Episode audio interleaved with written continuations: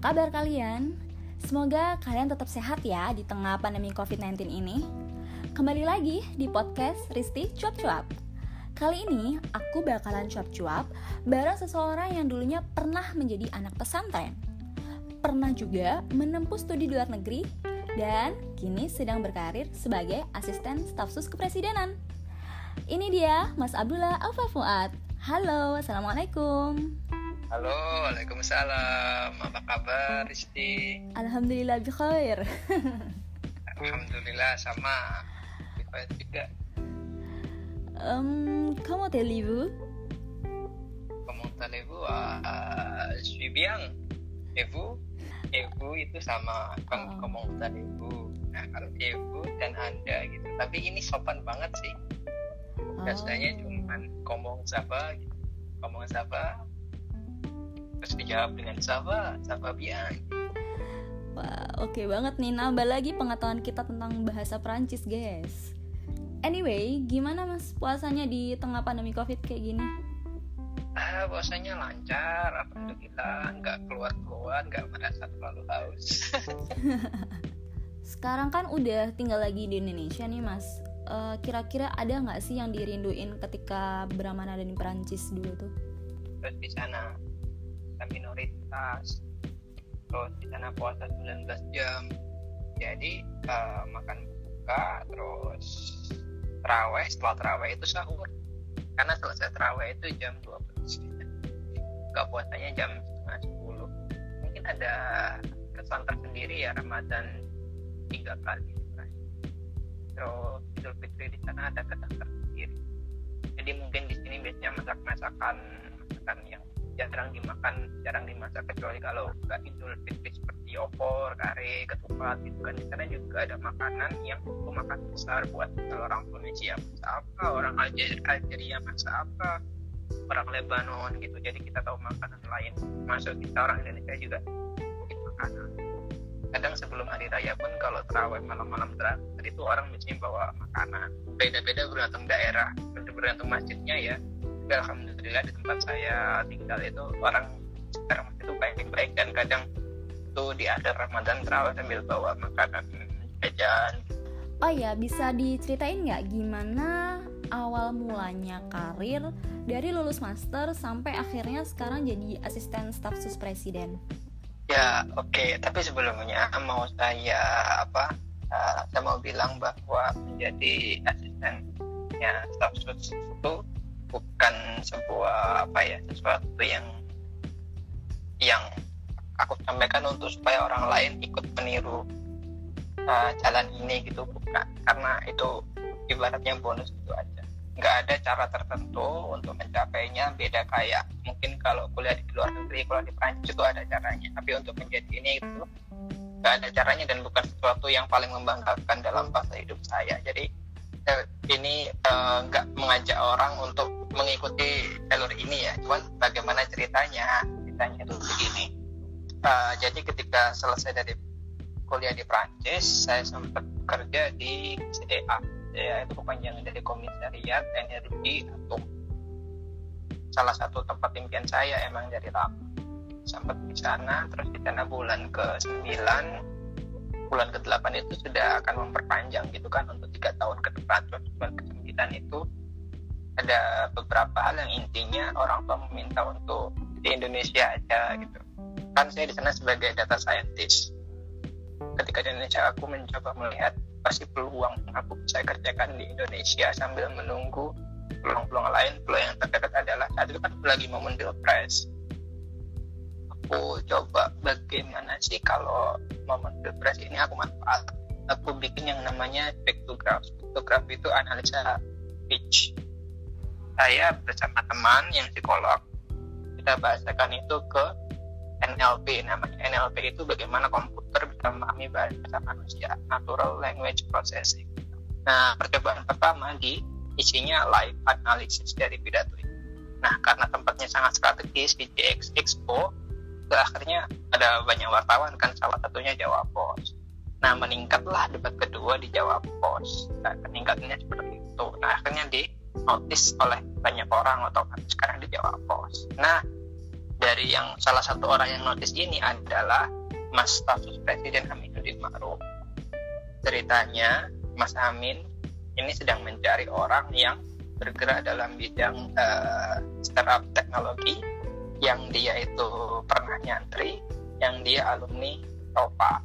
Ya udah kirim CV aja, nanti tulus. Terus akhirnya aku datang ke Jakarta, tanya-tanya, terus oke, okay, Oh iya, selama Ramadan ini kan kita dalam masa pandemi COVID-19. Nah, gimana nih dengan urusan pekerjaan yang biasanya Mas Aufa itu harus mobile, tapi sekarang beralih ke WFH? Karena setahu aku, Mas Aufa ini kan ada di bagian gugus tugas kelompok strategis. Salah satunya dengan kunjungan ke banyak pesantren. Agenda kunjungan ke pesantren itu udah hampir selesai ya karena udah cukup informasi yang kita gali cukup uh, bahan untuk studi udah selesai kebetulan.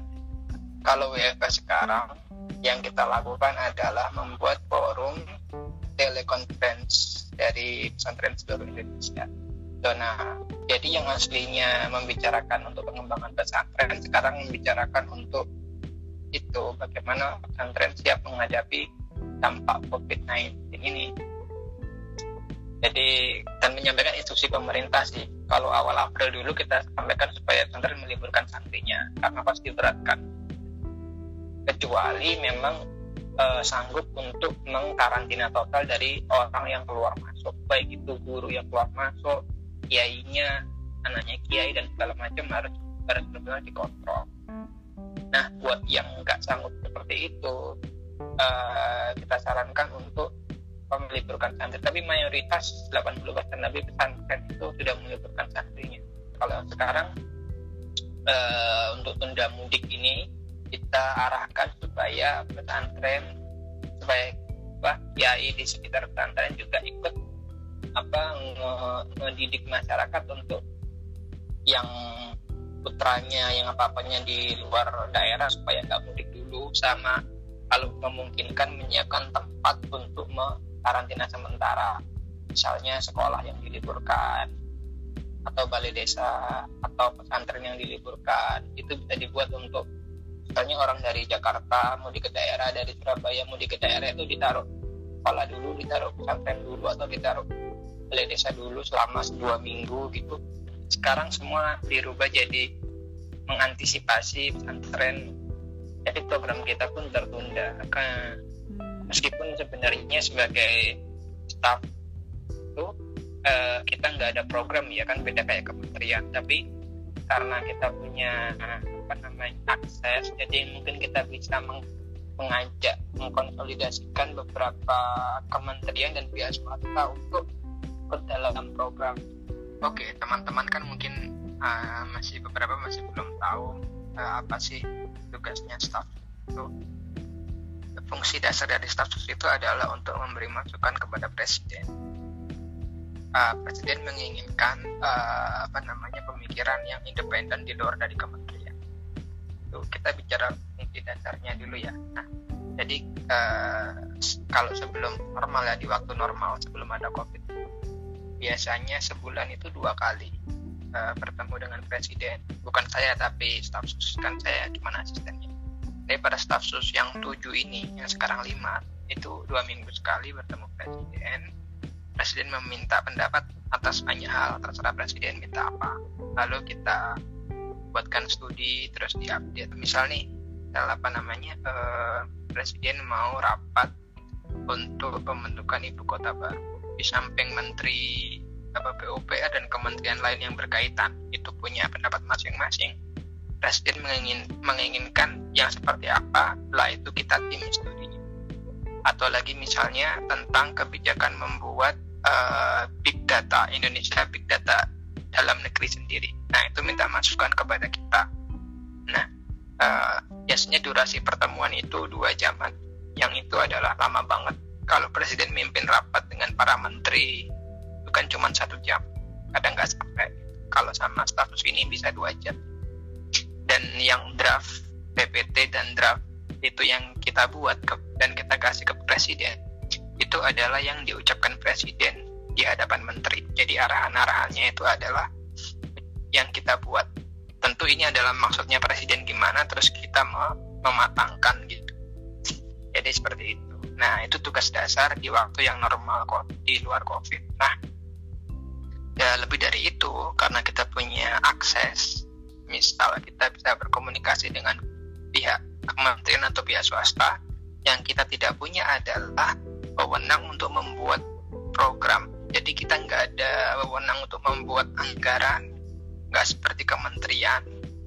Jadi misal saya yang di kelompok strategis yaitu komunitas pesantren komunitas desa dan komunitas aktivis ya berkaitan dengan kementerian masing-masing. Kalau pesantren kementerian yang kita ajak adalah pertama Kementerian Agama, Kementerian Koperasi dan sekitar 17 kementerian dan lembaga lain yang ada program berkaitan dengan pesantren. Kalau komunitas desa itu uh, Kementerian Desa, Kementerian tenaga kerja seperti itu rencana awal ya rencana awal itu menggandeng Microsoft untuk ikut mengembangkan uh, pesantren dalam hal digitalnya tapi, tapi kan ternyata ada uh, wabah covid ini jadi ditunda nah itu contoh contoh di luar tugas pokok sebagai apa memberi masukan kita juga bisa mengkonsolidasi uh, pihak swasta dan pihak kementerian untuk uh, bergerak bareng Nah, uh, ketika rapat kan setiap orang menyampaikan pendapat